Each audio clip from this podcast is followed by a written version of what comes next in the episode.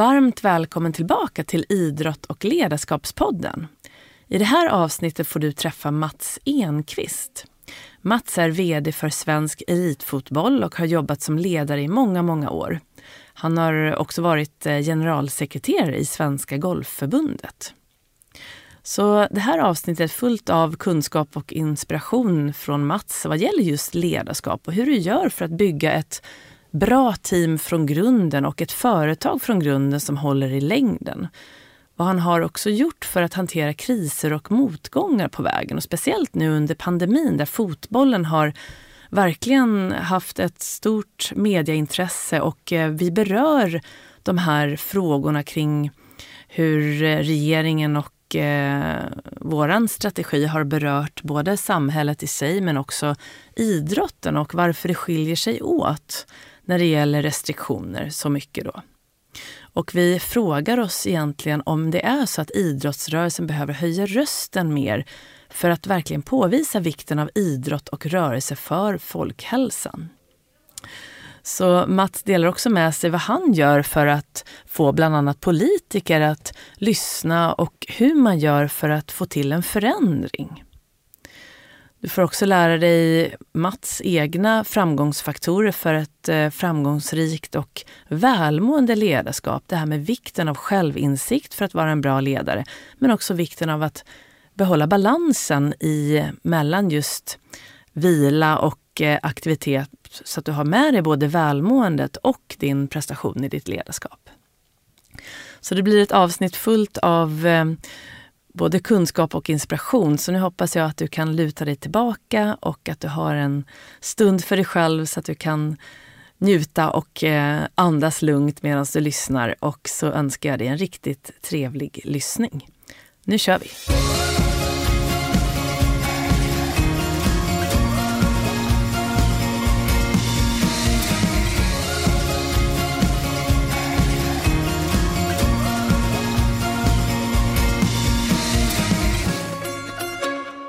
Då är du varmt välkommen tillbaka till Idrott och ledarskapspodden. Och idag är jag återigen mycket glad att få presentera min nästa gäst för dig. Och idag är det Mats Enqvist som är här. Mats är idag generalsekreterare för Svensk Elitfotboll och har innan dess varit inom olika ledarpositioner under många år. Bland annat har han varit generalsekreterare också för Svenska Golfförbundet och han är idag också vice VD för PGA Sverige och Svenska Golftouren AB. Mats har också varit engagerad i flera företag genom åren som ledare.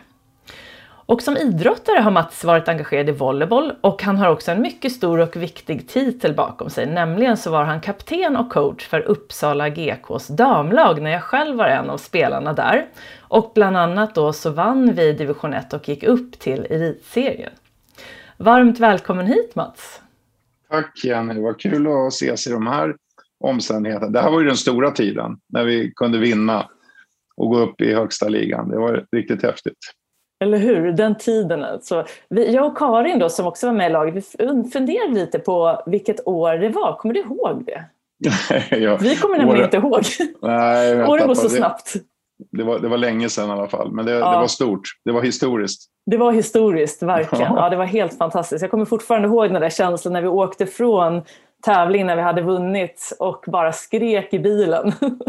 Ja, och jag, jag kommer ihåg eh, många märkliga moment. Sen var jag uppe och spelade i Skellefteå till exempel, en, en första omgången. Och, ja, det hände mycket roliga saker. Ja, herregud, herregud. Du, är det något som du skulle vilja lägga till i min presentation av dig innan vi startar? Nej, ja, möjligen eh, om man ska ta något, något nyligen. Jag har precis eh, väldigt hedersamt blivit invald i styrelsen för European Leagues, alltså alla ligorna ute i Europa och det, det är kul. Det ska bli lite roligt att försöka lägga energi också på att hjälpa till på Europanivå. Det är ett speciellt, eh, speciellt perspektiv, man inte bara tittar på Sverige.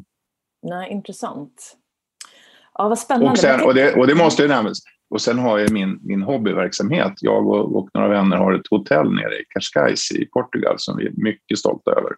Just det, det är det som heter Vasco da Gama. Helt rätt. Ja. Ja, och det, vad är det för något då?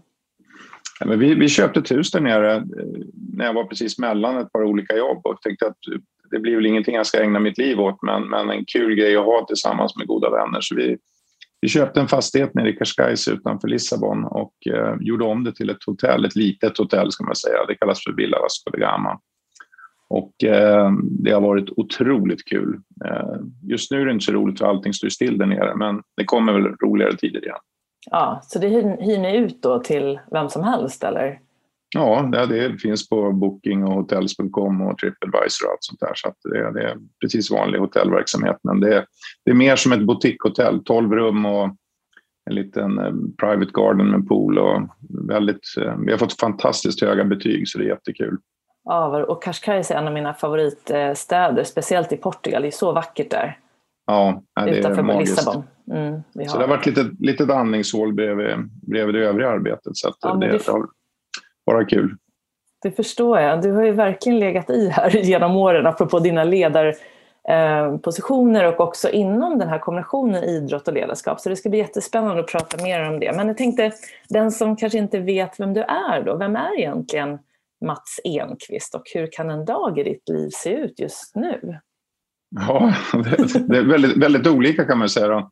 Alltså jag började egentligen, jag bor i, i Bärlingen norr om Uppsala och eh, fru och två barn som båda är utflugna numera. Och eh, katt och hund som inte är utflugna utan det är väl de som vi får sköta om då, som föräldrar numera. Eh, kommer egentligen som du sa från eh, en annan bransch. Jag började ju min formella utbildning började med juridik och sen hoppade jag över till systemvetenskap som, som eh, jag läste ut på och tyckte var otroligt kul. Så jag började egentligen som IT-entreprenör och byggde upp ett antal IT-verksamheter och, och, till slut fick jag liksom bygga upp min egen eh, stora idé som vi tog ett bolag, åtta anställda eh, och byggde det till ett stort internationellt börsföretag. Eh, det var en fantastisk resa. Men någonstans där och då kände jag att nah, det, det här med att bygga grejer bara för så att säga, de monetära värdena och liksom sitta och kämpa med kvartalsrapporter som nästan blev eh, veckorapporter till slut i börsyran. Eh, det var inte riktigt min grej så att jag fick ju chansen då runt 2000, eh, 2001 att, att bli eh, chef för Golfförbundet som jag hoppade på. Eh, jag eh, tyckte det var otroligt kul att få kombinera idrotten som jag alltid hållit på med. Alltid varit både spelare, tränare, ledare i hela mitt liv. Eh, fortfarande. Eh, på ideell grund så fick man plötsligt börja arbeta med, med det man eh, älskade. Eh, och det tillförde en dimension. Man jobbar inte bara för att skapa värden och pengar utan man skapar ju också otroligt mycket mening och innehåll för många människor. Så att den där kombinationen tyckte jag väldigt mycket om. Och när jag slutade på Golfförbundet så var jag tillbaka ute i näringslivet ett tag. Men jag kände att det, det saknades verkligen någonting. Så att när jag fick det här uppdraget att börja 2012 med Svensk Elitfotboll som jag fortfarande arbetar med, det, det är fantastiskt. Jag är väldigt mycket av en utvecklingsmänniska, det är vad jag tycker är kul. Jag, jag är kanske inte bäst på att förvalta en organisation, men jag, jag, gillar att kunna vara med och ta en organisation och en verksamhet och sen försöka få den att se bättre ut om några år. Att den, den växer, utvecklas och förbättras i olika former. Och det har jag verkligen fått, fått arbeta med nu under mitt liv i lite olika verksamheter. Mm. Så att, eh, ja, nej, jag är nog inte så konstig människa som, som sådan. Eh, det är bara att jag har verkligen gillat att jobba med utvecklingsfrågor. Var tror du att det började någonstans? Jag tänker din pappa var ju en väldigt erkänd författare, P.O. Enquist, som tyvärr gick bort förra året. Tror jag. Det var mm. jätte, jättesorgligt men fantastiska verk han har lämnat bakom sig. Så hur började liksom intresset eh, smyga sig in för just idrotten och ledarskapet? Var det tidigt eller har det kom, kom det liksom lite senare efter som du berättade studierna? Ja, men pappa var ju på mig. Han var ju själv duktig eh, höjdhoppare bland annat. Eh, han, var ju typ tre i Sverige och, och så här, vilket var väldigt ovanligt när man är författare det, det, var liksom idrott och eh, kultur, de hörde inte ihop. Men pappa var ju ett levande exempel på att det, att det gick att kombinera dem där. Eh, så han försökte rätt mycket, men jag råkade ut själv för en olycka när jag var liten. När jag var sju år så fick jag en pinne i mitt eh, högra öga och blev av med det. Så jag blev blind på högra ögat. Och det är klart, den där åldern när alla kompisar i klassen utvecklar sin motorik och man växer upp och man får fart i kroppen och så vidare. Där, där var jag en katastrof. Så att jag tillhörde de där som, som halkade efter. Farsan försökte verkligen, men, men eh, vet, man var ju strykrädd. Man fick saker mot sig för att man var rädd efter den här pinnen i ögat. Och man tappade djupseende och det, det blev verkligen en antirörelse. Så jag, jag hade en konstig utveckling. Jag hade, jag hade etta i gymnastik i alla år eh, fram till sjuan när jag fick en, eh, en lärare som också drev volleyboll på, på sidan av, som fritt valt arbete tror jag det hette då, som heter Birger Andersson. Så han, han tog sig an den här lite konstiga enögda ungen och eh, orkade ta sig igenom allt det där som inte hade hänt åren innan. Och, eh, sen efter, från och med åttan så hade jag femma, eh, bara femmor i idrott efter det. Så det är en otrolig omvandling som skedde där eh, på högstadiet någonstans. Så där blev ju volleyboll min sport och sen dess har jag alltid hållit på med idrott i alla former. Aldrig mm. riktigt blivit en superstjärna men eh, blivit en nyttig spelare, tränare, ledare mm. eh, i olika former. Jag tror jag blev ordförande i min första volleybollförening när jag var 15 år gammal och sen dess har jag alltid haft ideellt engagemang fram till 60 så det är 45 år på raken. Tänk vad fantastiskt hur en tränare kan verkligen påverka en persons liv på det där sättet, att han verkligen förändrade helt, ditt helt, liv livs, helt, helt livsavgörande kan jag ja. säga. Så Birger Andersson har alltid en stor stjärna i min himmel. Mm, otroligt. Men du, ehm, och nu är det då eh, generalsekreterare för svensk elitfotboll då sedan 2012. Och för den som inte kanske vet exakt vad det är då för organisation eller företag, vad gör egentligen SEF eller Svensk Elitfotboll? Ja, SEF som vi säger.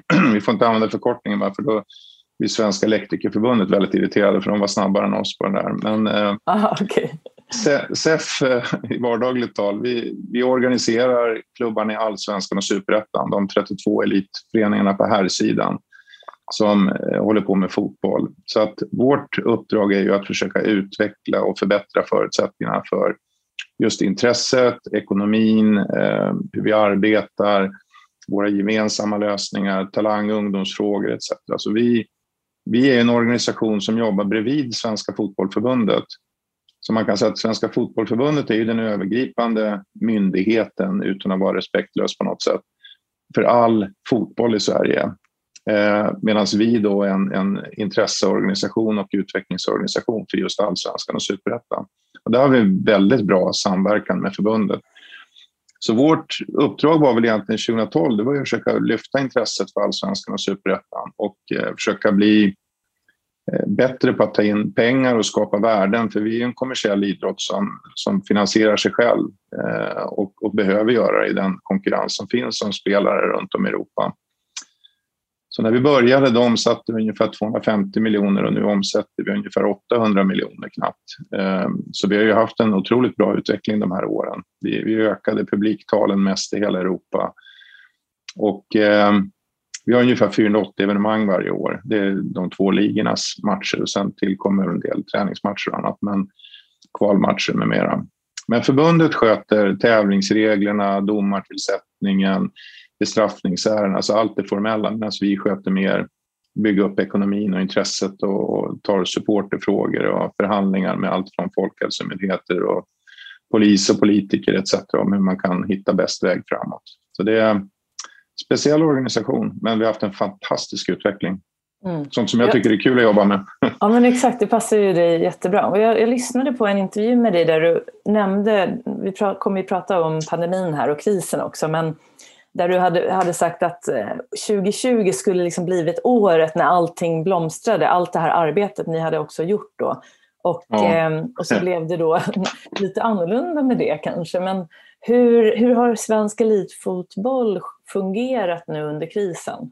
Nu har det snart gått ett år. Nej, men väldigt, väldigt, mm. väldigt bra ändå får man ju säga. Trots att vi är väldigt hårt drabbade av nedstängningar så har vi kunnat parera smällarna väl. EU eh, e gick ut med en rapport här nyligen där de, till och med EU som brukar vara ganska krassa, de, de var väldigt beundrande att vi hade hållit ihop så bra. Vi hade hittat sätt att parera krisen och vi har klarat, av det, det stora bortfall det innebär att vi, vi tappar någonstans mellan 2,6 och 2,8 miljoner besökare på arenorna och med allt vad det medför. Då ska man också förstå att alla sponsorer som är inne och finansierar klubbverksamheten med mera, de tittar också på det här. Vänta nu, det blir inga evenemang i stan ska vi ändå vara kvar som sponsor. Eh, direkta grejer i anslutning, förutom förlusten av biljetter. Eh, man köper loger, man gör en aktivering, man, man, gör olika saker. Det har inte heller gått att göra på samma sätt. Så vi har lyft över väldigt mycket dels tror jag precis som det du var inne på i början att eh, det här lyftet som vi lyckades bygga upp på central nivå med, med rättighetsintäkter och intresse kring ligorna. Det kulminerade ju 2020 och egentligen tänkt för att ta nästa steg. Nu blev det en, en bra buffert för att klara av den här smällen istället. Eh, så det var ju väldigt turligt att, att det inte var lagt några år senare i, i tiden. Det kom i väldigt rätt tid, mycket större centrala intäkter. Sen har ju supportrarna och eh, våra sponsorer ställt upp helt magiskt. Man har köpt biljetter fast det inte är match och man har valt att behålla säsongsskor. Det finns ju en kärlek mellan oss och supporterna som är helt avgörande. Mm. Och sen har vi fått också ett visst regeringsstöd så det, tillsammans har det gjort att vi har hållit ihop. Mm. Sen har spelare, spelare sålt som man har sparat på verksamheter så att kortsiktigt har vi klarat av det men det håller ju inte hur länge som helst. Nej precis och du, ja, förlåt. Nej, jag, jag, kör. Jag tänkte, du får ju ofta frågan nu om varför läktarna på fotbollsarenorna då behöver vara tomma när många andra områden i samhället varit öppna. Och hur är din syn på det just i nuläget när smittläget ser ut som det gör? Ja, det är svårt. Alla är ju naturligtvis stressade för att det är en pandemi. Eh, men om, om man sakligt ska titta på frågan varför ska just en fotbollsarena som är utomhus dessutom var vara stängd helt och hållet medan man får gå in på affärer och köpcentra och åka kollektivtrafik och allt annat som man gör för att värna samhället. Ja, jag begriper inte det. det. det. finns inte ett enda medicinskt skäl som någon har givit oss. Och nu pratar inte vi om att fylla läktarna som man kanske normalt tänker. Vi har ju haft väldigt strikta regler på hur man kan ta emot ett begränsat antal. Vi har stämt av med vår egen medicinska expertis. Vi har också stämt av med till och med Världshälsoorganisationen har varit inblandade. Men i Sverige har man inte haft det intresset, tyvärr. Nej, och varför tror du att det är så? Har ni fått något svar när ni har frågat? Jag tror det är mycket okunskap. Eh, dels tror jag att man inte riktigt förstår de människor som det här drabbas. Det finns en alldeles för förenklad bild över att alla är huliganer och skulle stöka till allting. Men jag kan säga att i det här scenariot så till skillnad man har full läktare så kommer några stycken kunna härja fritt där inne och vi kanske inte alltid har så lätt att stoppa allting. Men i det här läget med, med sittplatser och strikta regler och annat så, så ser inte jag någon som helst oro för att vi skulle kunna ha säkra arrangemang. Det, det är jag helt, helt trygg med. Men det är svårt att övertyga folk i en pandemi. Tyvärr. Det, det, jag kan förstå att folk är rädda men, men jag hade ju önskat att våra myndigheter och politiker vågade titta på det här lite mer sakligt och säga att vi, vi förstår att ni kan det. För det säger de ju de vet att vi kan det här, men ändå vill man inte släppa på för man är rädd för signalvärdet eller att få kritik och så vidare. Och det, det är väl tyvärr det, det faktum vi möter. Det, det, blir inte sakligt till slut. Och nu har ju då allsvenskan dragit igång. Hur, hur ser den kommande fotbollssäsongen ut tror du? Apropå fram, nära framtid med läktar, med antal besökare. Jag hade ju hoppats att vi hade kunnat få öppna med en dock mycket begränsad men dock publik. Nu, nu kör vi med de åtta som får komma in. Plus att man får, man får ha lite eh, loger och annat som, som kan ha en sittplats precis utanför. För då bedöms det mer som restaurangregler men, men som offentlig tillställning får vi bara åtta stycken. Så de som formellt köper biljetter och går in på arenan det är åtta personer. Och det är klart att det innebär att det är 49 992 platser som står tomma på Friends till exempel. Då. Eh, så att det är nog ingen större risk för smittspridning på de där åtta, eller om man har varit 100 eller om man har varit 300. Jag brukar säga att om, om du tar in 100 personer på de, eh, jag tror det är 16 entréer vi kan ha på, på Friends, så är det första bara några få personer i varje entré som får gå in. Det är sittplats på allihopa. Och då innebär det att du sätter ut en person, sen går du 500 meter bort så sätter du nästa person. Då, då får du ungefär eh, 100 personer på, på Friends Arena i mm. flera etage. Då. Mm. Och det är klart, den typen av regler får inte vi nu. Men du är inte ens i närheten av sådana regler någon annanstans i samhället och det kan vara lite frustrerande att man bedömer fotbollen och andra publika evenemang ska jag väl säga då, att man bedömer dem så olika mot annat. Mm. Jag, jag, vet faktiskt inte varför riktigt. Nej. Nej, men jag förstår frustrationen. Så vad, tycker, vad är din största och viktigaste uppgift just nu, ser du det som?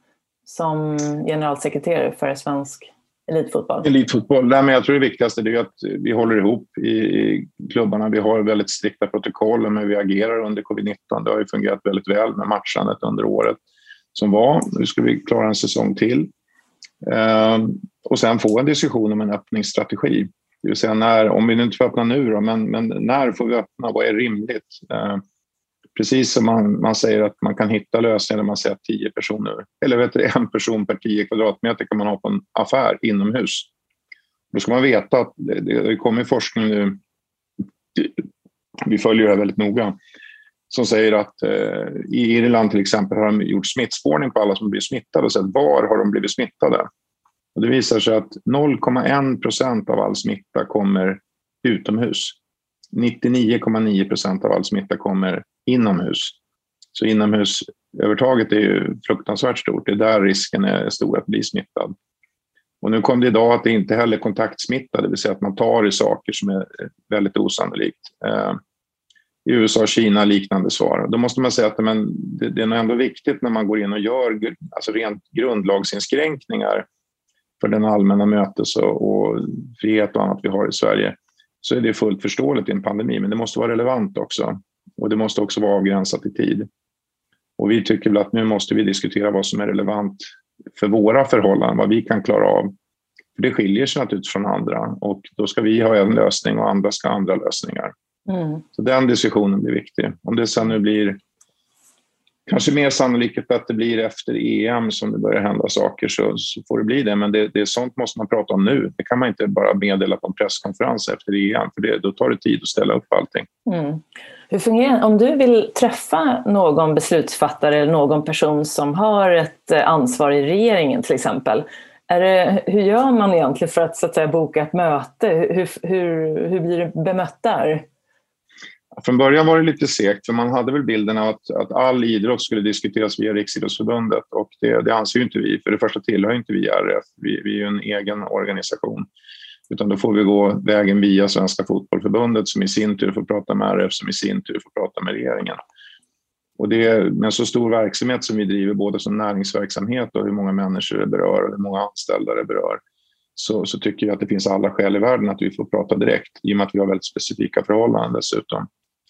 Så att eh, vi har väl fått kämpa oss till dialogen, men idag har vi ganska, ganska bra dialog med regeringen tycker jag. Vi har en direkt dialog. Vi har börjat få möten med Folkhälsomyndigheten. Däremot har vi inte riktigt kanske kommit, kommit så värst mycket längre framåt, men jag hoppas att de har åtminstone nu förstått, och det tycker jag signalerna kommer från alla, att vi vet att fotbollen kommer klara det här bra. Mm. Men man har fortfarande inte gjort någon ändring i, i regelverket. Nej, så att Idag tycker jag vi får väldigt bra. Vi har ju fördelen att få väldigt mycket medial uppmärksamhet om vi vill det. Och, eh, det är få andra som har den möjligheten. Så att det gör ju att man kan titta även på oss. För vi är inte samma som all idrott i Sverige. Vi är naturligtvis en väldigt speciell företeelse med att vi har både ganska unika arenor och unika möjligheter att, att göra saker. Så det, det är lite svårt att sätta det.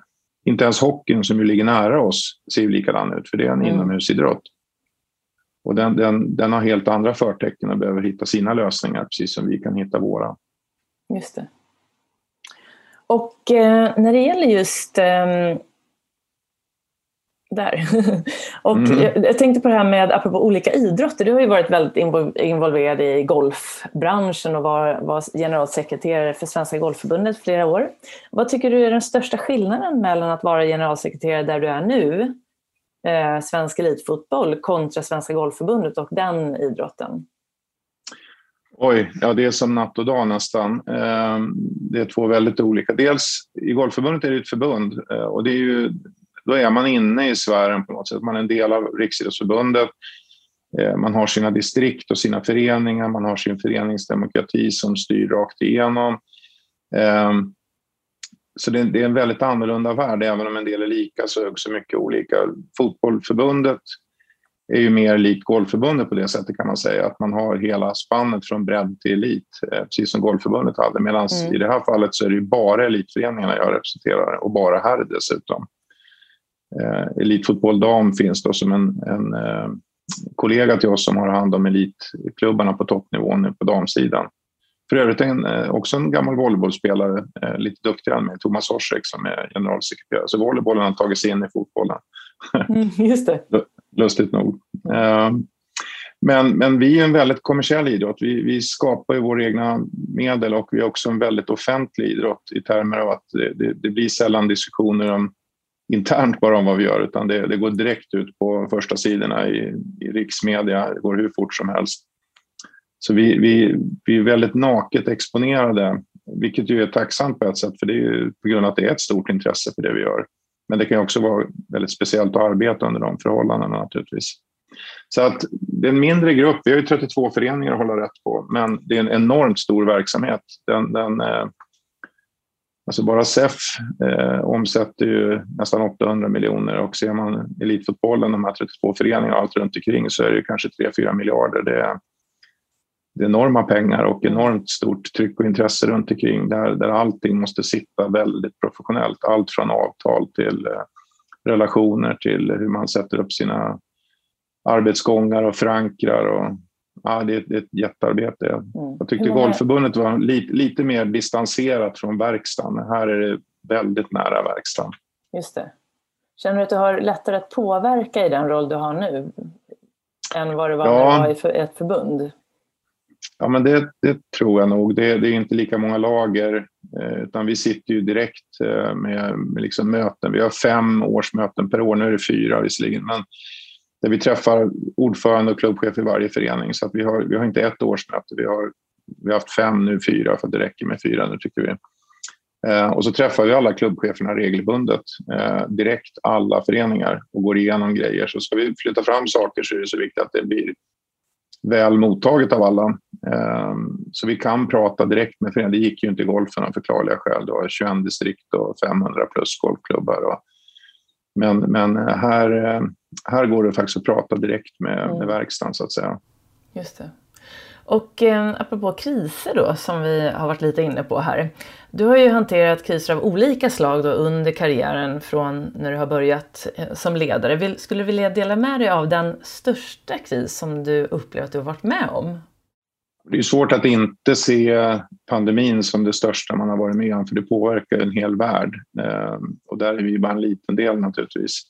Men, men visst har det varit kriser av alla de sorter eh, till och från. Eh, hur man hanterar en, en motgång, hur man eh, eh, agerar när, när man får jobbigt medialt eller upp, alltså att upplevelsen av det man gör kanske inte stämmer med vad man faktiskt har gjort eller att folk inte förstår eller inte vill förstå. Politiska fejder, eh, så gudarna vet att det funnits många. Och sen en del eh, rätt praktiska saker som, jag vet till exempel ganska tidigt när jag började här så var ju tv-avtalen för den här 250 miljoners nivån som vi låg på från början, där var ju tv-avtalen väldigt viktiga. Och eh, vi åkte på en smäll eh, ganska tidigt i den här resan där Kentaro som hade då köpt rättigheterna till svensk, både elitfotboll och svensk fotboll i övrigt, de gick i konkurs. Och det var ett läge när, när vi plötsligt stod oss utan ganska många. Jag tror vi förlorade 55 miljoner på den smällen. Och eh, du kan inte skicka ut 55 miljoner till elitföreningarna med så kort varsel och säga det här får ni inte. Det, alltså då, då får man en omfattande jättesmäll i verksamheten och vi, vi parerade upp det där. Vi hittade nya lösningar och vi lyckades ta emot det. Jag tror ingen riktigt nästan uppmärksammar det, men för oss var det en, en otrolig kris. Eh, det hade verkligen kunnat slå enormt mycket hål på saker och ting. Och pandemin, samma sak. Det, det är klart att det, det stod ju... Eh, vi har säkert tappat en halv miljard i intäkter för 2020 i hela fotbollsrörelsen. Eh, och så har man behövt hitta lösningar på det och det gjorde vi. Mm. En, del, en del tycker att, vi, att det är dåligt att vi gjorde det nästan, men jag fattar inte det. Jag tycker vi har gjort ett fantastiskt jobb i hela fotbollen att klara av en så stor smäll. Mm. Och så parallellt då, när jag samtidigt jobbar ideellt då, i, i golfen så ser man att golfen har upplevt sin kanske största boom på oerhört länge under pandemin för att det, det, blev en verksamhet alla kunde ta sig till. Så det är väldigt olika förutsättningar. Men, eh, nej, men kriser, det är krisen man visar vad man kan. Eh, det är krisen när man ska få chansen att arbeta om man nu inte liksom är, är direkt orsakande. Så länge, eh, så länge man håller ihop i, i styrelseledning och liksom kan analysera och gå igenom och se sakligt vad det är så funkar det. Eh, men det är inte alltid att det är så tyvärr. Så då kan ju krisen vara att man själv är dålig på att hantera det. Precis, jag tänkte precis fråga det. Vilka är dina främsta råd som ledare för att hantera en kris? Nu är vi ju fortfarande i den här, men i din erfarenhet när det ändå har gått så pass lång tid under pandemin, men också från tidigare erfarenheter? Jag skulle säga så här, om, det inte, om inte krisen beror på att någon har varit eh, kriminell eller, eller brutalt usel på sitt jobb, att krisen föreläser av det, då måste man ju byta personer. Men annars är det viktigare än någonsin att folk går ihop. För det är en kris, du behöver ditt team runt omkring dig, du behöver din styrelse, du behöver dina klubbar, du behöver de du arbetar för att, att enas om hur hanterar vi Man kan inte bara sitta och kasta skit på varandra, för det blir inget bättre av det. Mm. Så att med undantag för, man har ju sett en del sådana här eh, famösa eh, upplägg med, med, eh, jag kommer inte ihåg vad de heter nu, men, men sådana här fondlösningar och pensions, som är rena bluffarna.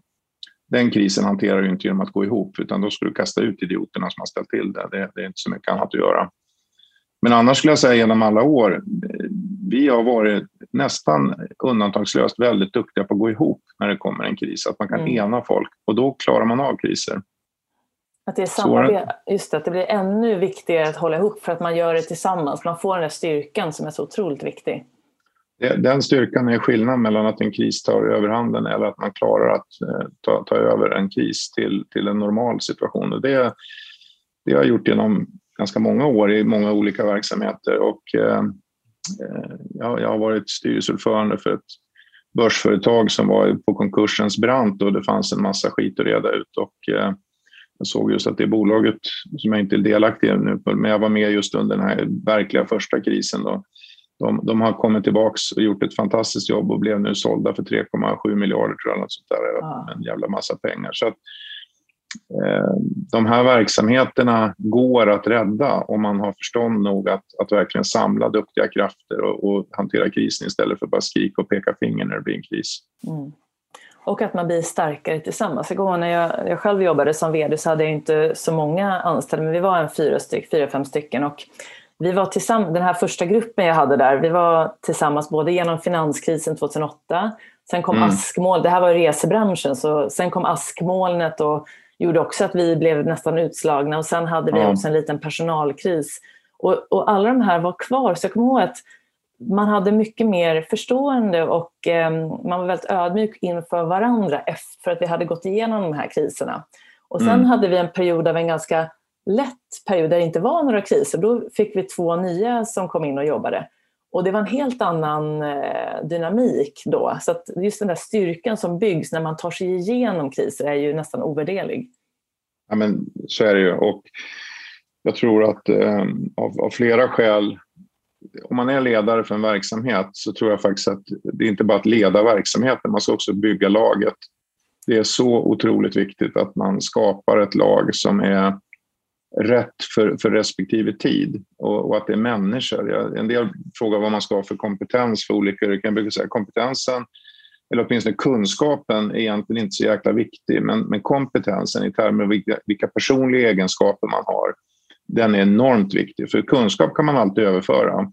Men du kan inte ändra på en person som, som inte riktigt funkar som människa, som, som inte är en bra medarbetare, som inte är en bra lagspelare, som inte har rätt personliga egenskaper. Det, det är extremt svårt att förändra. Men däremot kunskap, det kan man ofta tillföra. Så jag tycker ofta det är viktigare att anställa rätt person än att anställa rätt kunskap. Eh, det är sånt där man lär sig med åren också när man har varit chef många, i många olika situationer och olika verksamheter. Just det. Jag har ju läst eh, väldigt många citat från personer som du har jobbat med och du får ju mängder av lovord som ledare från alla dina företag och organisationer du har jobbat, både från golfen och, och fotbollen och tidigare. Och med tanke på, och det här, anser, det här är en väldigt stor framgång att verkligen få personer att känna sig sedda och att de vill följa. En ledare är någon man vill följa, till skillnad från en chef. Men vad skulle du säga är dina framgångsfaktorer för att lyckas ta fram det här hos dina anställda, hos de du jobbar med och skapa det här teamet? jag, jag är enormt tjurskallig. Alla, alla, man kan ju inte bli älskad av alla, det, det vore nästan osunt. Och det är med, med all säkerhet inte. Men jag, jag ställer hårda krav på, min själv, på mig själv och min omgivning. Och när man får till det där eh, och är själv beredd att skita ner fötterna och är själv beredd att bidra med någonting i arbetet och inte bara sitta på ett kontor och administrera, då får man respekt därför att man, man faktiskt bidrar till arbetet. Och då börjar folk också arbeta med det här. Man måste ju ha folk som vill arbeta i samma riktning. Så att, det får man självkritiskt säga att eh, jag har ju haft mina jobbiga situationer med en del medarbetare genom åren också där man har haft helt olika syn, där man inte varit på samma bog. Och det är klart, då ska man helt enkelt inte jobba kvar. Antingen ska jag sluta eller ska de sluta. Um, så därför säger jag att det här bygget av laget är så jäkla viktigt. Eh, för du måste ju ha folk som kan liksom köpa mitt sätt att vara som ledare. Det är inte bara att jag ska vara så anpassningsbar alla gånger. Det är klart man ska vara det också, vara lyhörd. Och jag, jag är ingen diktator, det är jag absolut inte. Men jag är väldigt utvecklingsorienterad och jag ställer hårda krav på mig själv och alla runt omkring. Efter ett tag märker man att det är många som säger fan det där var roligt. Det hände massa grejer, vi ville saker vi, vi, och vi tog framgångar. Jag är stolt över det här. Fasen var roligt att få vara med på det. De, de resor jag har jobbat med nästan alltid varit sådana. Men när man kommer in då att kanske hamna i ett läge när, när, när man liksom vill bara stänga ner och peka finger, ja, men då är inte jag rätt person att leda verksamheten. Och då, då är det väl också så att många av dem man har jobbat med känner samma sak. Så att jag tror inte att det finns en bra ledartyp. Eh, jag brukar citera Gudfadern. Så när, när de tar bort eh, Michael från eh, posten som ny gudfader och istället stoppar in Sonny Corleone med motiveringen “We need a wartime consigliere”. Så det är ett ganska bra sätt att förklara att, att ett ledarskap är inte alltid är bra i alla situationer. Utan ett ledarskap är bra för olika syften. Mm. Och, och, jag vet att när, när det handlar om det som jag tycker att jag kan arbeta med. Jag, jag, är rätt bra på kommunikation, jag är bra på försäljning, jag är bra på utvecklingsfrågor och få med mig folk i utveckling. Och då ger det vissa typer av resultat. Eh, Medan man i en organisation som inte behöver kommunicera, som inte ser utveckling som viktigt eh, eller intressant och inte vill flytta position utan mer bevara, då är jag en jättedålig ledare. Så att man ska inte göra för mycket personfrågor av det. Det är kul när man blir gammal att folk uppskattar en del det man har gjort, men det har inte alltid varit skitenkelt, man säga. Jag har fått min beskärda del av kritik också, tro mig. Ja, jag förstår. Och, eh, så vilka är de viktigaste lärdomarna som du hittills har tagit med dig under åren som ledare? jag skulle nog säga det här att man, ska bygga sitt lag och, och sen måste man som ledare våga stå för vad man vill göra för något. Så får man vara klok nog och inse att finns inte de förutsättningarna, då ska man lämna. Eh, för det blir inte bra att bara försöka behålla sitt jobb. Då, då, ska man ta en hela, helt annan typ av, av arbete. Vill man vara ledare så måste man våga stå för något man måste våga driva någonting och är det så att det inte funkar av någon orsak, vare sig det är mitt eget fel eller om det är någon annans fel eller bara situationens fel, då ska man lämna. Eh, jag har alltid gjort så i mina jobb. Jag har kört, ofta är ju ett utvecklingsuppdrag, det är ju kanske fyra till sex år. Man hinner liksom vrida upp allting och man behöver en viss tid att förstå vad det är som funkar och inte funkar. Man behöver sätta nya planer, man behöver få med sig alla medarbetare och styrelseägare det tar ett antal år och sen kommer en våg när man säger att det där vart kanske inte helt bra, man behöver ändra på några saker, så det blir en andra våg när man håller på. Sen är man ganska klar normalt sett. Mm. Sen, sen har min erfarenhet varit att då har jag oftast lämnat mina uppdrag. Då, då känner jag det dags för någon ny eh, av olika skäl. Eh, och det är ganska bra för då, då, då, har man gjort det man är bra på och så får någon annan ta över av olika skäl. Man, jag ser på några av mina gamla arbetsplatser så har de liksom bytt inriktning kanske efter jag har slutat och det, det är väl fint. Då, då har man en annan typ av ledare också som, som passar in i den rollen. Så man blir väl lite mindre öm i tårna ju äldre man blir. Man inser att det mer handlar om omständigheter och kanske inte så mycket om personer eller annat. Just det, och det här, jag tror att väldigt många kan vara så rädda för att förlora sitt jobb, rädda för att få sparken. Och något som jag, min erfarenhet från fotbollsbranschen, jag har ju träffat en del fotbollstränare, bland annat Tony Gustafsson då, som var eh, med det amerikanska landslaget när de vann mm. VM. Han var assistent och även Erik Hamrén som jag spelat golf med lite grann. Och de, de brukar säga så här, men då blev jag sparkad och, och så liksom, ungefär som att det inte är så stor grej. Och eh, tror du, och det är ju ändå mina andra kompisar som jobbar i vanliga företag brukar ju säga och tänk om jag, chefen bad mig komma in till kontoret imorgon, tänk om jag blir, det finns liksom en rädsla vilket kan då påverka mm. ditt sätt att göra ditt arbete. Man blir liksom rädd istället för att gå all in. Hur är din uppfattning kring det? Har, brukar du, har du någonsin varit rädd för att förlora jobbet? Nej, jag har ännu aldrig fått sparken. Vi får se om någon hinner före mig, men jag, jag, har, alltid lämnat, jag har alltid lämnat själv först. det är jag glad för. Eh, för man får en viss grad av självinsikt också. Om, om, som sagt, vare sig situationen eller omgivningen eller någonting annat eh, är fel, då ska man inte jobba vidare. Man kan inte sitta så här. Har man valt den här typen av jobb, jag, jag måste säga, jag beundrar inte minst allsvenska tränare och förbundskaptener och sånt, för där ligger det liksom i sakens natur att går det dåligt för laget så får du sparken. Det finns ju ingen som analyserar att det här var en eh, tuff generation som har kommit upp i landslaget just nu, utan eh, det är liksom bara, nej, men då byter man tränare, det är alltid det enklaste. Och vi har, vi har en, en tradition i fotbollen som jag kanske tycker går lite för långt möjligen, att, att man byter folk för ofta. Så att på ett sätt... Oj, ursäkta mig. På ett sätt är det väl, tycker jag, bra att man, har, man sitter som ledare en, en, eh, en koll på att du, du tar inte det här jobbet för anställningstrygghet. Utan du tar det här jobbet för att försöka driva igenom en utveckling. Och är det så att det av någon orsak inte går, då ska du byta jobb. Du behöver inte få sparken. Jag, har alltid vinnlagt mig om att lämna innan jag får sparken, om det nu skulle vara så. så att, mm. eh, tack, tack och lov har det mest varit för att jag själv tycker att förutsättningarna saknas. Eh, och då är det dags att någon annan tar över. Det är liksom ingen grej. Man, då får man börja titta sig om, se vad ja. som händer. Det där, eh, det där visar ju på en väldigt stark självinsikt och en stor mental styrka tycker jag. För jag kommer ihåg när jag jag kan ju känna så här i backspegeln när jag jobbade som vd att jag borde ha slutat tidigare men hängde i liksom lite för länge där och det fanns lite stress som hindrade mig från att vara en väldigt bra ledare på slutet. Så där. Men just den där självinsikten och styrkan, vad tror du den har, har du alltid haft den eller har den byggts på? Genom den har nog, nej men den har nog alltid varit så att jag, jag har varit lite när man var yngre var det mer för att man var dumdristig möjligen, men, men, eh, och lite tjurskallig. Eh, när man blir äldre så, så kommer man i läget att man har en större trygghet, att man, man ser tecknen. Eh, och normalt sett kan jag säga hittills, om jag tittar bak, så har det i princip alltid varit att nej, men jag, jag tycker inte jag själv känner mig vare sig trygg eller erfaren eller kompetent för det det här bolaget nu behöver. Jag har gjort mitt, jag kan se mig själv i spegeln och sen kan jag gå vidare för nu är det dags att lämna. Och det, det, det gör jag och har alltid gjort på alla mina jobb. Och det dyker bara upp en dag. Mm. Jag har aldrig varit så, jag har, folk frågar vad har du för planer för framtiden? Ja, jag jobbar med det jag håller på med. Jag har aldrig sneglat på någonting annat förrän den dag jag känner att nej, nu ska jag inte göra det här längre av någon orsak. Nu har ju fotbollen hållit på ganska länge, jag har varit här i 11 år.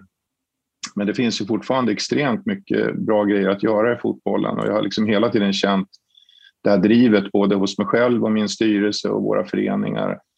Även om det inte är den lättaste sak att hålla ihop 32 helt olika självständiga föreningar så, så, så finns det mycket kul grejer att jobba med. känner, men ja, jag vill i alla fall och så länge de vill så ja, då, då fortsätter vi.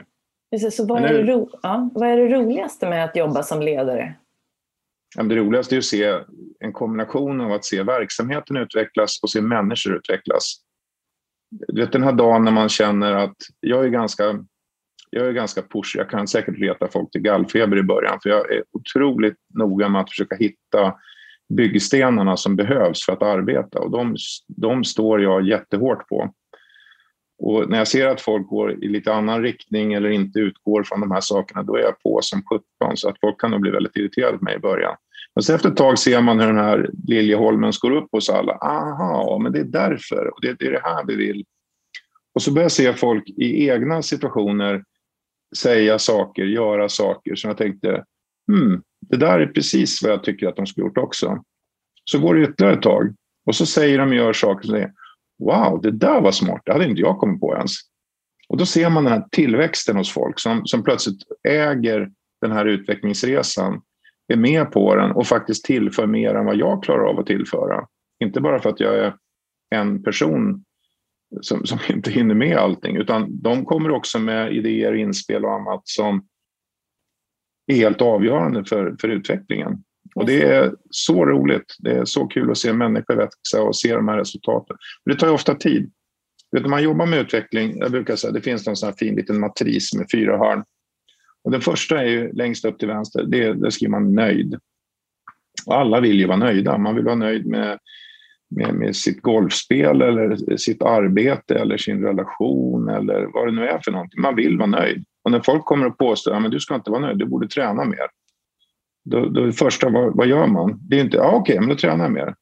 Utan det första man gör är, nej men det här är bara tillfälligt, det är inte så illa och jag har det nog i mig och ja, det, det, kommer. Och, alltså man, man, man protesterar för man vill inte gå ur nöjdluckan. Eller om någon säger, ja, men det är inte så bra med det här företaget, ni tappar marknadsandelar, det borde gå fortare och man skulle kunna ta för sig mer.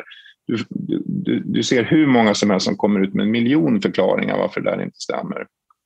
Så nöjd är en, en, en bra ruta men också en farlig ruta har varit. Rakt under den så finns då alltså förnekelsen, det vill säga den som säger att ja, men jag har inget skäl att inte vara nöjd. Så när du ska jobba med, med utveckling så måste du börja med att bryta igenom förnekelserutan. För folk studsar tillbaka upp i den där nöjdrutan. De vill inte flyttas för det är jobbigt. Men när du bryter igenom förnekelse, när folk säger att ah, jag måste nu göra någonting, vi måste göra någonting, då kommer du in i en tredje ruta som är då längst ner till höger istället. Och den är väldigt jobbig, den heter förvirring. För då börjar alla, hur gör vi nu? Vad, vad, ska man, vad ska man göra och hur kan vi fixa det här? Och vi är inte så jävla bra. Det här är ju skitjobbigt. Vi har massor att ändra på och jag vet inte ens hur vi ska börja. Och den rutan är enormt jobbig, men där börjar resan. Och då går den upp rakt upp till hörnet längst upp till höger i en ruta som heter kreativitet. För då börjar förslagen komma. Om vi skulle kunna göra så här. Jag kan fixa det här. Och vi skulle kunna ändra på det. Vi skulle kunna, och så vidare. Och till slut så kommer den att gå tillbaka in i rutan nöjd, fast en ny nöjd position. Mm. Och den här loopen den är ganska lång. För det, det, är inte så att man förändrar en större organisation på nolltid att ta sig igenom alla de här olika faserna. Men om du väl sätter igång det så får du ju så mycket skit i början för att du sitter ju bara och utmanar folk. Men när du börjar komma till den här kreativitetsdelen, eh, då tycker folk att det är enormt roligt. Och när sen de första utfallen kommer, att du ser att det här lönar sig faktiskt, det gav bra utvecklingar, då, eh, då är folk, tycker man, då säger åh vad bra det här har varit. Men det, de första tre, fyra åren säger de absolut inte det. Nej. Och hur viktigt är det att visa vart man är på väg då, alltså målbilden och det önskade läget? Då är det ledarens uppgift att ta den skiten i början och verkligen vara enveten med att, att våga stå för att det här kan vi göra, vi måste göra, vi behöver göra det och vi kommer klara av det. Häng med nu allihopa. Ja, och det är hit vi ska. Att den bilden ja. blir väldigt tydlig då. Att man måste kunna ja. förmedla det som ledare, precis. Ja, jag har ju en förkärlek för, eftersom jag kommer från IT-branschen, så de här akronymerna som man ofta använder i IT-branschen. Eh, jag brukar säga att man ska ha en liten krok att hänga upp hela förändringsresan på. Ungefär som man hänger upp en disktrasa på en krok. Det är väldigt effektivt. Eh, någonting, ett begrepp. I, I fotbollen har vi pratat om Nordens bästa liga och det blev naturligtvis MBL då, istället för NHL. NB, NBL blev Nordens bästa liga. Eh, jättebra begrepp. Eh, vi pratade om MBL. Först var det fram till 17 vi skulle driva frågor. Sen var det 20 och nu tittar vi på 25. Men byggstenarna för att bli bästa ligan, det är ju inte så att vi är framme på alla punkter. Eh, men byggstenarna de är helt oförändrade. De saker vi ska arbeta med är helt oförändrade. Nya medier, arrangemangsdelar, komma åt ekonomin på rätt sätt så vi är inne i ekonomiflödet, den sportsliga delen etc. Vårt image, eller vår image, vårt varumärke. De byggklossarna och sen under det organisation som det sista då, som ska hänga med i takt. De har legat exakt likadana sedan 2012 när vi satte igång det här jobbet. Medan innehållet i varje sten ändras ju. Alltså, det vi gör idag på nya medier är naturligtvis något helt annat än vad vi gjorde för fem år sedan. Eh, det vi gör idag på sporten är någonting helt annat än vi gjorde för fem år sedan och så vidare. Och vår organisation ser naturligtvis annorlunda ut idag än när vi började den här resan. Men allt det där ska hänga ihop. Man ska våga ompröva varje år, minst en gång per år. Och tänka till, vad funkade, vad funkade inte, har det hänt något nytt etc. Men, men byggstenarna är, är fasta. Så det där är en av grejerna jag tycker vi har varit bra på. Det är att hålla fast vid vad vi tror är de viktiga komponenterna för att utveckla elitfotbollen. Mm. Och sen fortsätter man resan att försöka hitta sätt att bli bättre inom varje område. Jag vet till exempel inom golfen så hade vi en massa sådana vi började en hel del av de här frågorna. till exempel varför vi tappade så många spelare eh, som, som vi hade jobbat med. Eh, att komma in i golfen och så, och så, plötsligt så fanns de inte längre.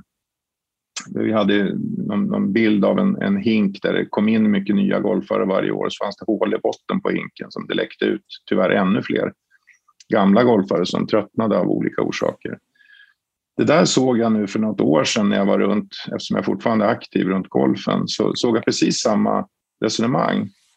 Och så tänker jag att, ja men bra, där, där har man på något sätt diskussionen om ett problem, man har, man har identifierat att det är kanske mer, inte, inte mest att rekrytera golfare utan att behålla dem. Men vad fan är åtgärderna? Det, nu är det ju liksom, det är, 30, det är 13 år sedan jag lämnade golfen och man har, man har fortfarande inte fler åtgärder som har gått igenom ute på föreningarna, som man har fått accept för. Det är ett jättestort arbete att övertyga 500 golfklubbar eller vad det nu kan vara. Det är inte lika många idag. Men, men det jobbet måste man ta, annars kommer man ständigt att visa de här bilderna. Och det är väl en av golfens utmaningar, att, att se hur får man den här förändringsresan att slå igenom på varje förening. Jag tycker förbundet har fortfarande tänket klubbarna är duktiga på sina saker, men man enas inte om de här sakerna som totalt sett kan förändra golfutvecklingen.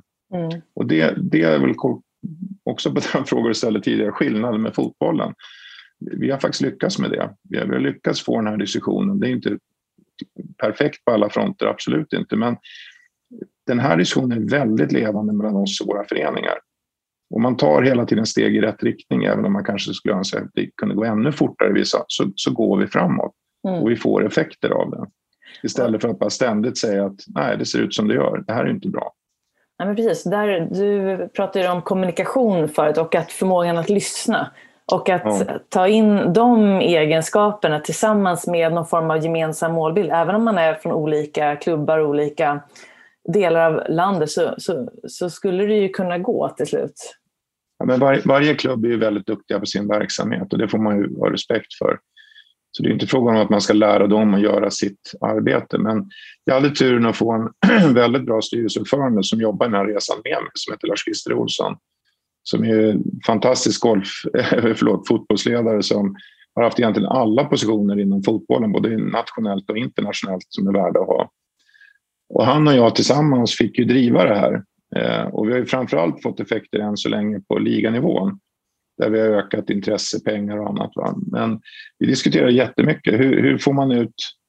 En, en liten klubb ute på landet kan ju naturligtvis inte ha samma idéer som ett Hammarby eller ett AIK kan ha exempelvis. Eh, jag tror att eh, en, en stor fråga som behöver komma, det är ju, vill man verkligen ha utveckling, hur får man till det? Mm. Många är duktiga på att identifiera saker man behöver, men det är inte så många som är bra på att verkligen få det hända sen. Nej, precis.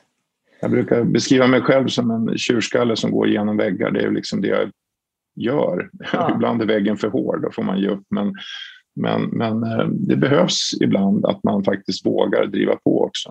Mm. Det är inte så alltså, svenskt jämt.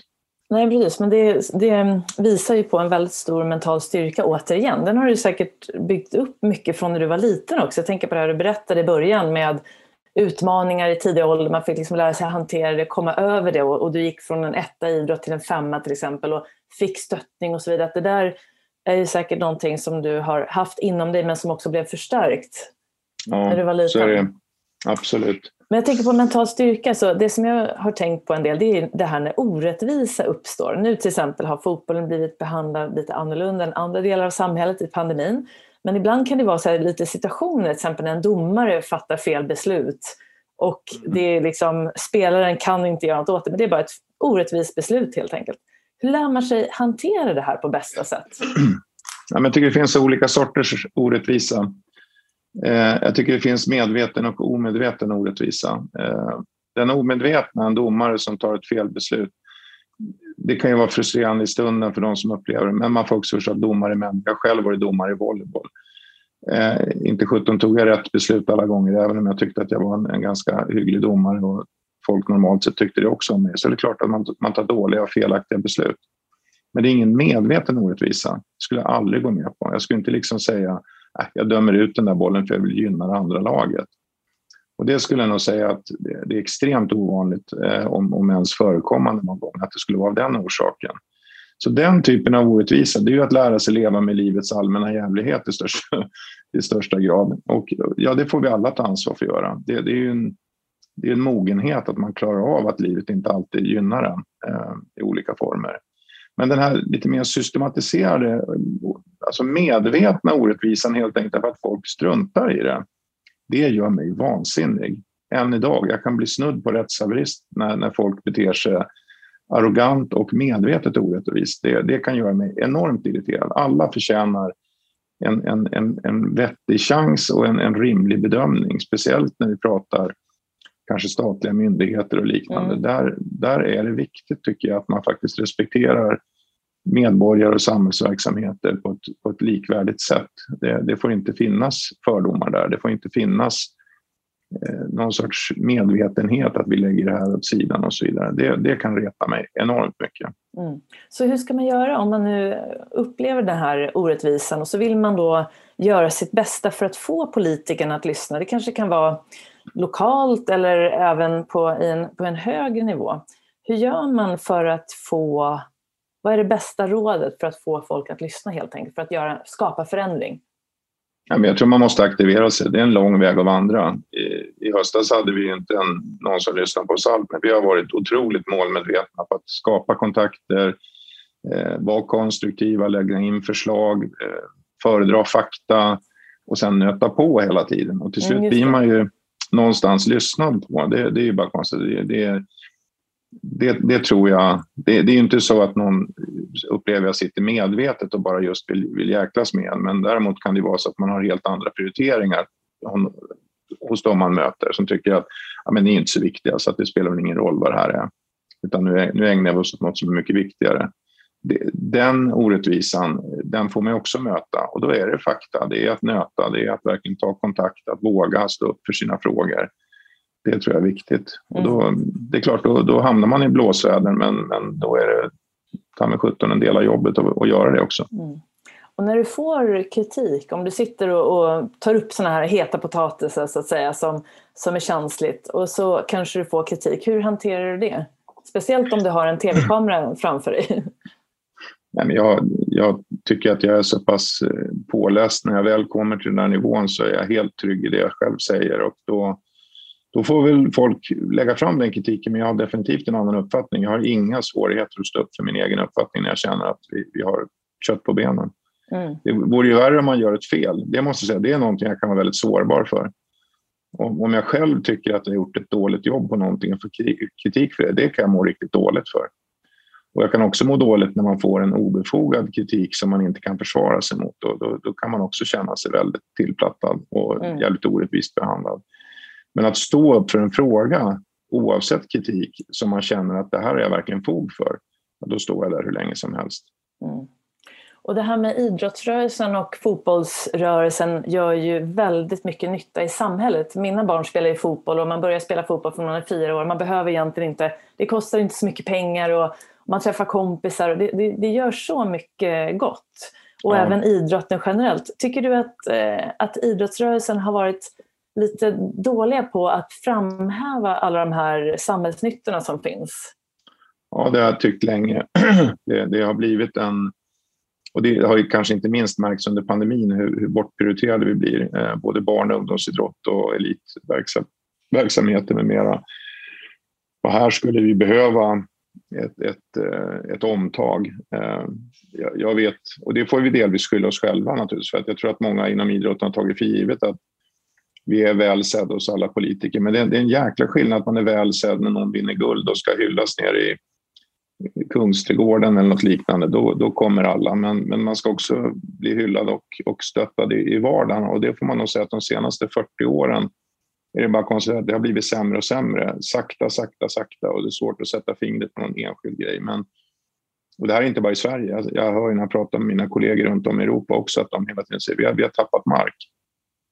Eh, så jag tror att idrotten får inte bara bli hyllad för, för de här uppenbara grejerna man tar ett OS-guld och liknande utan vi måste bli hyllade i vardagen. När den lilla ledaren står och tar hand om dina och andras ungar eh, i, i, regn och rusk. Eh, den, den, insatsen svensk idrott gör i en massa olika idrottsformer, den är tyvärr för dåligt sedd. Och jag vet ju våra elitföreningar, okunskapen är monumental om det nytta vi gör. Vi, vi har ju nästan inget bidrag från staten, ytterst lite i jämförelse med vad vi drar in. Vi, vi genererar stora värden ekonomiskt och vi genererar ännu större värden samhällsekonomiskt i form av att vi ger massor av folk mål och mening med livet i våra verksamheter men vi gör också att våra läktare är ju fulla av folk som annars inte hade haft någonting i livet. Vi, vi tar ju faktiskt emot de mest utsatta. Vilket ju då å ena sidan kan ibland göra att det kan finnas en del stökigheter, vilket är ganska få ändå i dagsläget. Men vilken mening vi ger människor. Hur värderar man det? Och den samhällsekonomin hade ju gärna sett mer genomslag på än att bara diskutera de här lite mer krassa, hur många poliser är ute på stan den dag det är fotbollsmatch som, som för övrigt dessutom tycker jag är helt felaktigt bedömda. Mm. Så att helheten, att förstå idrottens värde, vare sig det är bredd eller elit, den, den resan behöver idrottsrörelsen ta. Verkligen. Jag tänker på alla fotbollstränare som verkligen jobbar ideellt, in, inklusive min man. Jag ser hur mycket tid han lägger ner förutom sitt vanliga jobb och får inte liksom han, han vill ju inte ens ha betalt, de bara tycker att det är så kul. Mm. vi, vi har i det här laget som, som han tränar flera barn som, inte har, som har det tufft liksom, i ja. kanske sin vanliga miljö och har då det här som en liten räddning kan man säga, att komma dit och, och få den här gemenskapen. Så, ja. men, där men, men det här är ett bra exempel. Att, att påstå att det inte finns värderingar i de beslut som tas under pandemin, tycker jag man, det kommer man säkert granska någon gång, men när man på något sätt säger att det är så viktigt för alla att få åka upp till Åre och, och Sälen under sportlov och påsklov, att man säger att det går jättebra att åka, det, det, finns inga risker alls, man kommer bara umgås med sina vänner och det kommer inte hända någonting. Det vill säga man, man tar den snällaste tänkbara bedömningen av risken för att kunna ha fullt ut för, för svensk medelklass och, och överklass att åka upp till Åre. Men du vet precis lika väl som jag att många av de som är på våra läktare och många av de som är i de här lagen som din man tränar, de har inte en chans att åka upp till Åre. Men de får inte spela fotboll, de får inte träna fotboll, de får inte gå på läktarna. Och det lägger man bara åt sidan för det är inte viktigt. Och det kan göra att den här gamla rebellen i mig vaknar till liv lite grann och säger nu får ni fan skärpa er, nu har ni missat någonting. Mm. De här människorna förtjänar att ses precis lika, men det är inte för att vi ska... En del tror att vi vill lägga in folk på läktarna för att vi ska tjäna pengar på det. Då kan jag avslöja en sak. Om inte vi kommer upp i kanske 60-70 procents beläggning så är det inte lönsamt att ha folk på läktarna. Det kostar mer än det smakar. Det är inte alls därför vi tycker det är viktigt. Utan det är för att återknyta relationen med de här personerna som annars riskerar att hamna i totalt utanförskap mm. och som vi tycker är så viktiga för vår fortlevnad. Det är för att ungdomar och barn ska få börja träna igen som annars går och hänger i köpcentra som det är tillåtet att vara inomhus på. Medan man inte får vara utomhus på en plan och spela med sina polare. Och det är för risken att din mans lag plötsligt tappar tre, fyra spelare som, som helt enkelt ledsnar under den här tiden och så plötsligt kan man inte ställa upp ett fullt lag. Då, då, är det, då är det tio man till som försvinner från sporten och från möjligheten att vara ute. Och det är för alla de som annars skulle fastna i kriminalitet eller andra saker som istället skulle kunna tas om hand på de här. Allt sånt där, nej, det är för dåligt värderat. Nej, jag, jag, hoppas verkligen att, eh, att det kommer komma någonting gott ur det här. Och jag, ser ju, jag jobbar ju en del med, med Stockholms idrottsförbund och då är ju, får man ju ibland eh, ja, visionerna från Riksidrottsförbundet, vilket är att hålla ungdomar kvar så länge som möjligt inom idrotten för att på så vis skapa fler stjärnor i framtiden.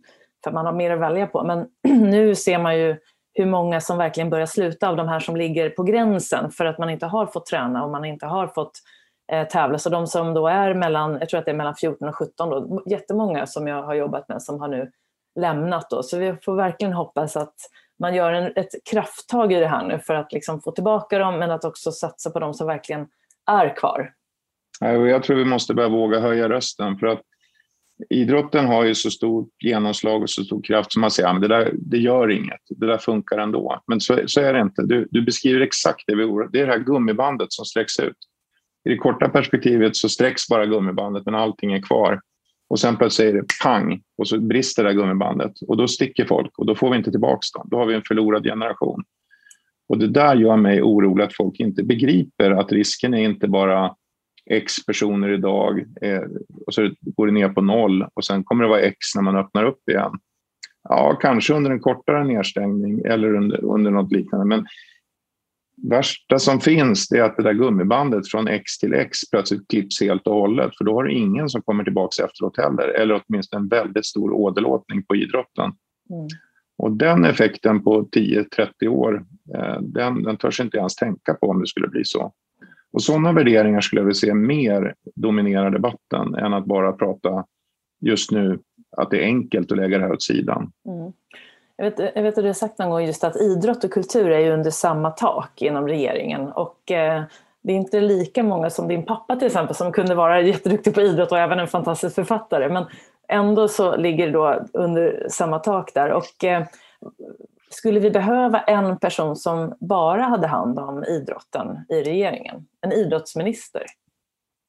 Jag tror framförallt, oavsett om det finns kultur och idrott under samma tak, jag tycker en sak som har kommit upp lite grann, det är att som det har blivit via ordningslagen som man stängde ner så blev det ju både stor del av publikkulturen och idrottspublikkulturen, eh, om vi kallar det för det. Så vi har ju nu börjat få nätverk med, med teatrar och skådespelarförbund och musiker, eh, arenor etc. som vi aldrig hade haft tidigare. Där vi konstaterar att vi sitter i precis samma fälla och vi är inte så olika. Det är bara att en fotbollsmatch är en, en, en annan sorts teaterföreställning eller det är ju publik som är det som håller ihop oss. Nu tycker jag Amanda Lind har varit ganska förstående ändå. Eh, så att just den här idrotts och kulturministern, eller kulturministern med ansvar för idrottsfrågor som de rackar ner oss på i lite andra hand, eh, har ändå försökt och verkligen satt sig in i frågorna till skillnad från en del andra jag har haft genom åren. Eh, men då måste också idrottsministern, oavsett om det är kultur och idrott eller om det är en kultur och en idrott, måste för sjutton få en bättre tyngd i regeringen. Mm, det. Det, det, får, det, får, inte vara en, en, undantagspost som man inte kanske lyssnar så himla mycket på, utan det måste vara någonting man prioriterar. Jag menar, vi, vi har fler medlemmar bara i fotbollen än vad man har i alla samtliga politiska partier tillsammans. Så att är, är det någonstans det finns en demokratisk rörelse där ute så är det inom idrotten. Mm. Till och med fotbollen är alltså större än hela politiken på det viset. Mm. Ja, men, eh, från, från det ena till det andra, det där ska vi följa noga och hoppas att, eh, att, som sagt, att det blir en starkare diskussion om det här nu i samband med att den här pandemin förhoppningsvis snart är över. Men jag tänkte faktiskt en liten intressant fråga apropå teknikträning och det här med, med mental träning som jag jobbar mycket med. Då, så hörde jag dig säga apropå det här med VAR som man nu har eh, infört då, på många matcher och så där utomlands framför allt att du ska, sa att eh, fotbollens själ kan man inte sätta teknik på.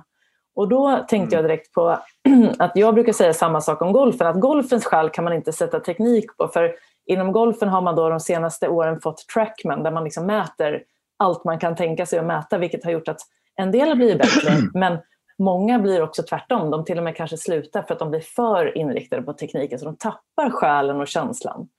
Mm. Hur, hur, tycker du att vi ska tänka apropå tekniken och utvecklingen där kontra själen och välmåendet i våra idrotter? Men till syvende och sist handlar idrott om att du som människa ska prestera eller må bra eller vad du nu vill få ut av det du håller på med. Där, där anser jag väl fortfarande att jo, men tekniken kan vara ett hjälpmedel, men det kan inte vara ett substitut.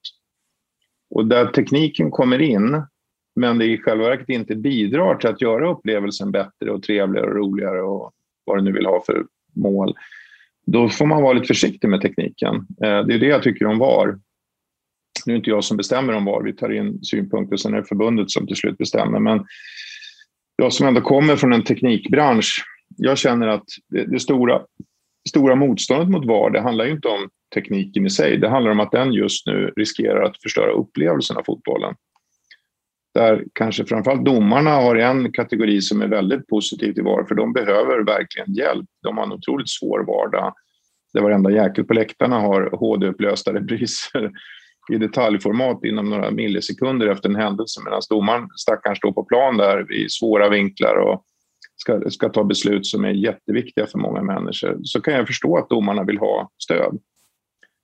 Eh, supporterna säger motsvarande, jo men visst, eh, det är väl bra att de får stöd, för ingen tycker om att det är dåligt, men inte på bekostnad av vår sport som vi älskar. Därför att när vi, när vi får se matcher stängas ner i flera minuter och det står någon och granskar en tv-skärm vid sidan av planen och alla bara står där och tittar förvirrat åt sidan och undrar vad det är som händer. Var det mål eller var det inte mål? Och sen slutar det med att det var frispark på andra sidan planen. Och, och ännu värre när det faktiskt blir fel trots, trots svar. Ja, men det har inte hjälpt till.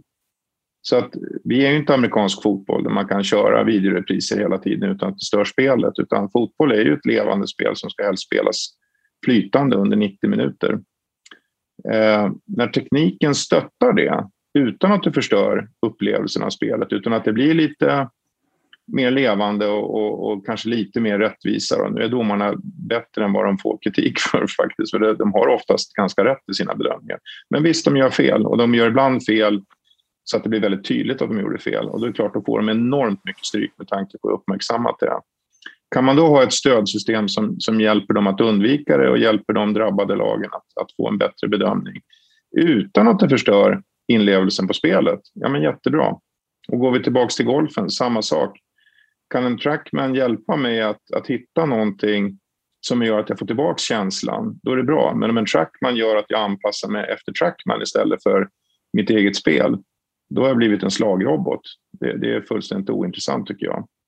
Så att teknik kan vara ett bra stöd, men man måste förstå att, att eh, det drivande och styrande måste vara sporten och spelet och, och, den mänskliga upplevelsen. Sen kan tekniken ibland vara en hjälp, mm. eh, men, men, det är människan som utövar idrotten, annars är vi illa ute. Mm.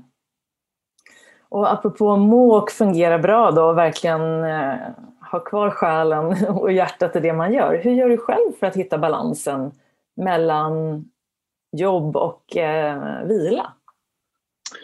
Ja, oftast går inte det i det här jobbet. Det är, det är en av de mest utsatta jobb jag någonsin har haft, för det tar liksom aldrig slut. Eh, och får man någon gång en, en, tid som nu, till exempel att du har pratat, då smattrar du i telefonen med grejer man måste plocka upp direkt efter det här.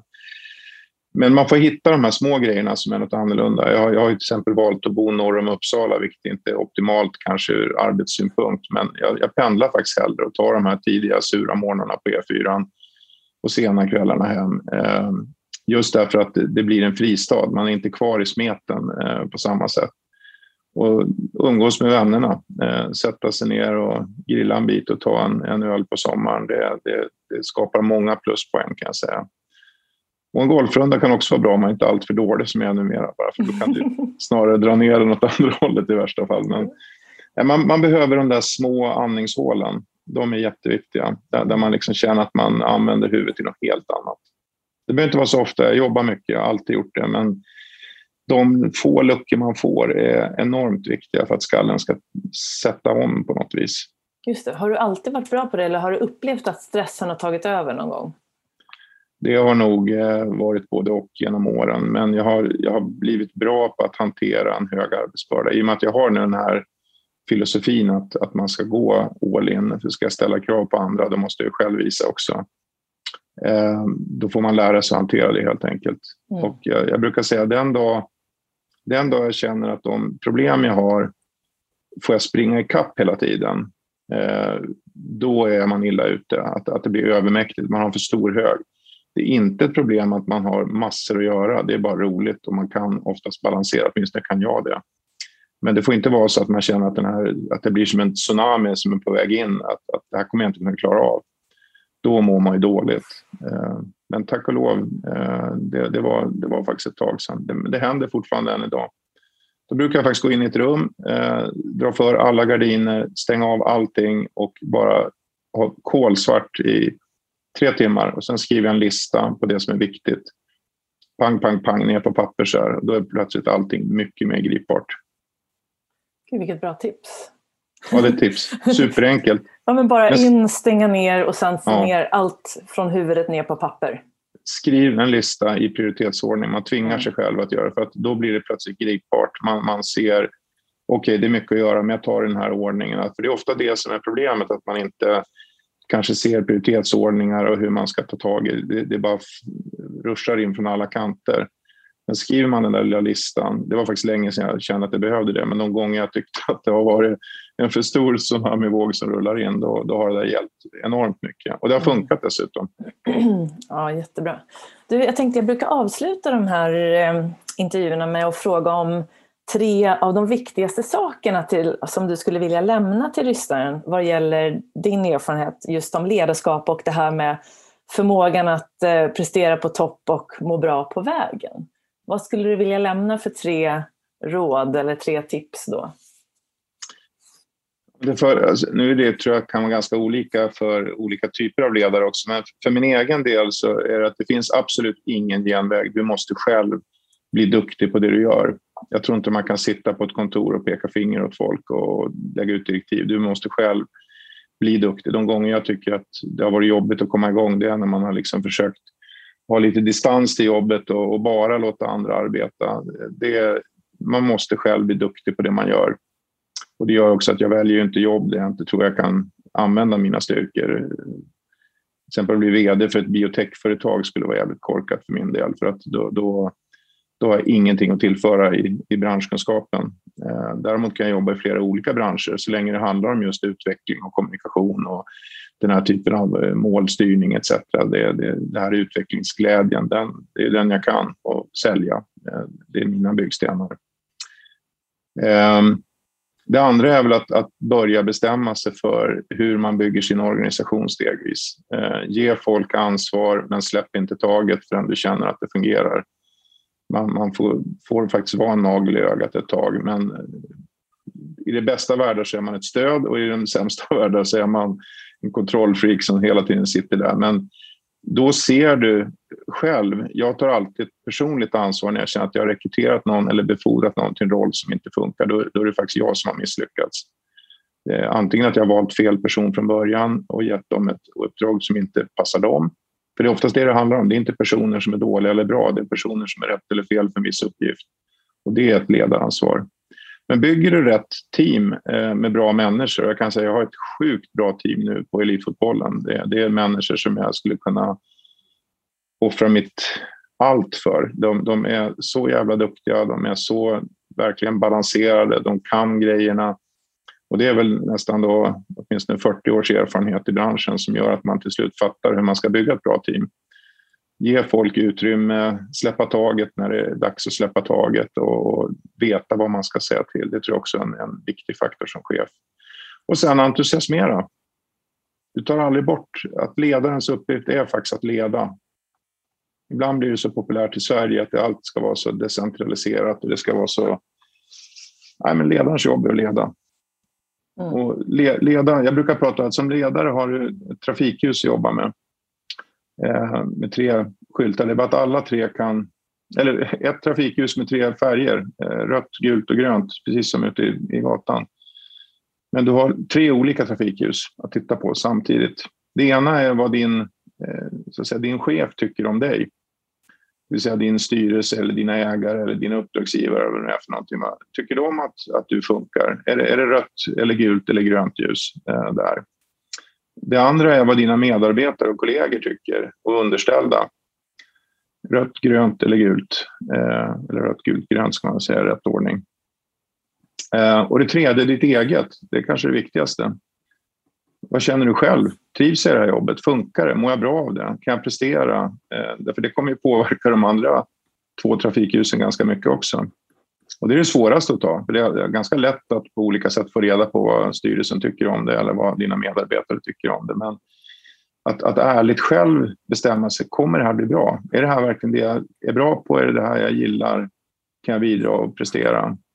Och då brukar jag säga att det är helt okej okay att du har något rött ljus. Du kan till och med ha två röda ljus.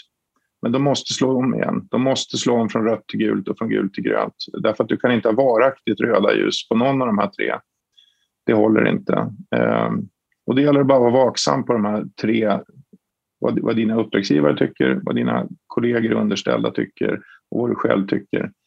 Är det grönt ljus på alla tre eller bara tillfälligt några gula eller röda ljus? Fine, kör på. Men ser du att nej, det här är inte bra på någon av de här tre eller något ljus är permanent parkerat på trean eller på rött då, ja, då, då är det dags att byta. Det är en bra enkel ledarövning att, att tänka till på om man är, vågar vara självkritisk i det där. Väldigt, väldigt bra tips. Och som du var inne på där förut, apropå förmågan till sin egen självinsikt, att den kanske är den viktigaste av de här. För att om den står på rött för länge, då kommer de andra bli röda till slut. De kommer Ändå. också bli röda. Och, och det, tyvärr är det så, när man, när man själv är chef och anställer en annan chef, alltså en, en underchef i organisationen, och så ger man någon ett förtroende och så ser man att det där funkar inte. Det är tre skitröda ljus eh, och det blir bara värre och värre. Då har man gjort den här personen en sån jävla otjänst att befordra den personen till det jobbet. Och det kan jag må dåligt över att jag själv har bidragit till. Därför att, att ta emot en befordran, det tycker alla är jätte, nästan alla i alla fall tycker det är jätteroligt. Men det folk inte tänker på det är för det första, hur sover jag på nätterna när jag vet att jag plötsligt är chef för det här och det inte funkar någonting? Det behöver inte vara mitt fel. Det är en av de stora insikterna att bli chef. Det är att I början så, så är det om man själv gör någonting dåligt och inte lyckas med något, då mår man dåligt för det. Men plötsligt är det en massa andra människors prestationer som du bedöms på också. Vad händer om det där inte lirar? Jag har varit med om att befordra människor som har varit jätteduktiga i sin roll till att ta nästa steg och det har fullständigt kraschat. Vad händer då? Jo, den personen kan ju inte gå tillbaka till sitt jobb. Det ses ju som en förlust både i ens egna ögon och i omvärldens ögon. Det de bevisligen var väldigt duktiga på. Så att det där att låta någon bli chef, det är inte något man gör när man är hygglig, utan jag brukar nästan säga att med åldern så börjar man inse mer och mer att det, det, är, en, det är en otroligt eh, taskig grej att utse någon till chef därför att man tar en risk. Och inte för mitt eget skäl att det är en risk, det kan jag balansera. Men för den här personen så kan det visa sig vara det sämsta beslutet i deras liv. Och ta många år innan man kommer tillbaka på fötter igen. Och det, det har hänt några gånger. Mm. Ja, det, det, finns så många allmänna synpunkter man har lärt sig genom åren, men det här är en av de viktigaste. Ska du, ska du sätta någon att bli chef, hjälp den personen jättemycket, men tänk också väldigt mycket i början på de här tre trafikljusen och få den här personen också tänka på det. Sen, sen är det där, för så fort du blir chef då har du ett ansvar och då måste du leva upp till något också. Mm. Nej, men precis. Ja, så bra visualisera det där framför sig. Det hade jag behövt när jag var ledare. Även om det gick, det gick ganska bra. Men jag tyckte som sagt, eh, när man är ung och sådär och småbarnsmamma och, och sådär, lite svårt att få till det. Men eh, ja. alla sådana här råd tror jag hjälper alla som lyssnar väldigt, väldigt mycket. För att det är bra att det blir konkret och att eh, lite som eftersom det här med mental träning och, och jobba med sig själv, att du blir ju alltid en förebild själv. Och om du då stärker dig själv och jobbar med ditt eget rödljus till att börja med så blir det andra lite lättare att jobba med också. Och man vågar fråga om hjälp kanske när det behövs. Det, det är otroligt kul att vara chef när man har den läggningen, att man faktiskt vill lägga sitt liv och, och bry sig och ta de här ansvaren. Om man nu pratar den här typen av ledarchefer, jag gillar i alla fall. Eh, inte den här som bara går dit och lyfter lönen och gör sitt jobb och ser till att lägga över skulden på alla andra, utan en, en chef för mig ska faktiskt ta ansvar för, för helheten. Eh, men det gör att man tar på sig också en jävla massa huvudvärk från alla möjliga olika håll och kanter. Men tar man det på allvar och sköter det på rätt sätt så är det ett fantastiskt roligt jobb. Och inte minst när man ser både organisationer utvecklas och människor utvecklas, då är det enormt kul. Mm. Men, men är det någon gång jag kan, eh, kan eh, med den här hårda huden man kanske kan tyckas ha, det är någon gång jag kan må rätt dåligt och verkligen bli ledsen så det är, när jag, det är faktiskt när jag gett någon ett ansvar som de blir jätteglada för men sen mår dåligt för. För att det, det, de klarar inte riktigt. Mm. Ja, jag förstår. Du, um, Mats, ehm, hur, nu är ju du väldigt mycket i nuet och eh, du är där du är. Men finns det några framtidsplaner som du drömmer om och som du skulle vilja dela med dig om? Nej, jag, det stämmer faktiskt som jag sa. Jag fokuserar på det jag har. Jag har sagt till, till fotbollen att jag är beredd att ställa upp eh, i två år nu eh, om de vill ha mig. Men det har de velat haft hittills. Eh, och sen får vi se. Eh, så att just nu är mitt... Jag, jag satte ett kontrakt fram till nu i, i mitt huvud och nu har jag satt ytterligare två år på det. Så våren 2023 då, är det väl dags att tänka igen. Och då får vi se. Ehm, men eh, nej, jag har ingen plan. Jag ska, jag ska få tillbaka min golf. Det, det är faktiskt en, en, det är den enda plan jag har. Jag ska komma tillbaka och tycka att det är kul att spela golf igen. Ja, underbart. Spelar du på Uppsala Golfklubb? Jajamän. Ja, härligt. Då kanske vi får chans att spela tillsammans. Kan jag ge dig lite tips? Det, den, här, det... den, den här gången även mentalt kanske för att få det att verkligen funka så att du får med dig både prestationen och välmåendet. Det, det tar jag som ett eh, fantastiskt erbjudande igen. Det skulle vara ja, skitkul. Det, det tycker jag att vi shake hands om här genom skärmen. taget, taget. Ja, och du Mats, ett stort varmt lycka till med allt och det är fantastiskt att få följa ditt arbete och du är en förebild som ledare och eh, gör väldigt mycket gott för idrottsrörelsen och fotbollsrörelsen i Sverige. Så varmt lycka till och tack snälla för att du var med och delade med dig av alla de här kunskaperna och inspirationen till mig och till lyssnarna. Ja, men tack själv Jenny. Det är en, det är en ödmjuk uppgift att dela med sig av sina erfarenheter för de är basen av ganska många misslyckanden på resan får man ju säga också. Men eh, man behåller det som är bra och så flyttar man bort det som har varit dåligt. Då blir man till slut en både bättre ledare och bättre människa. Eller hur? Och eh, de här misstagen kan man kalla lärdomar också. Som gör att man blir, ja, utan, dem, ja, utan dem blir man inte bättre. Nej, så är det. Den, den som kan sin historia undviker också att göra om de fel man gjorde en gång i världen och då blir man bättre. Det, så, det, så är det i, allt, i all idrott är det samma sak. Du blir bättre om man har en utveckling. Jag tycker det är kul att vid 60 års ålder känna att det fortfarande utvecklas. Ja, fantastiskt. Tack snälla Mats och jag hoppas att vi ses snart igen då. Tack själv Jenny. Ha Tack. det gott. Ha det gott. Ja, hej då.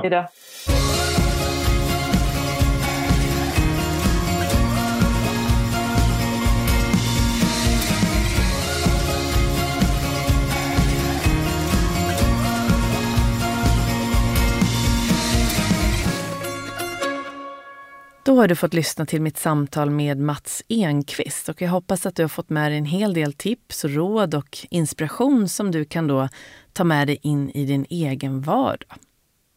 Och vill du följa svensk elitfotboll så gör du det på svenskelitfotboll.se och Mats har själv ett Twitterkonto och du hittar honom också på andra sociala medier och då kan du bara söka på Mats Enqvist.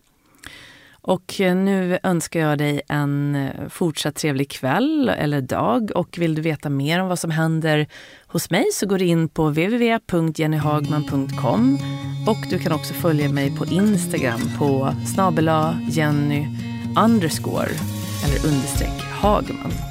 Så hoppas jag att vi ses här snart igen. Ta hand om dig. Hej då!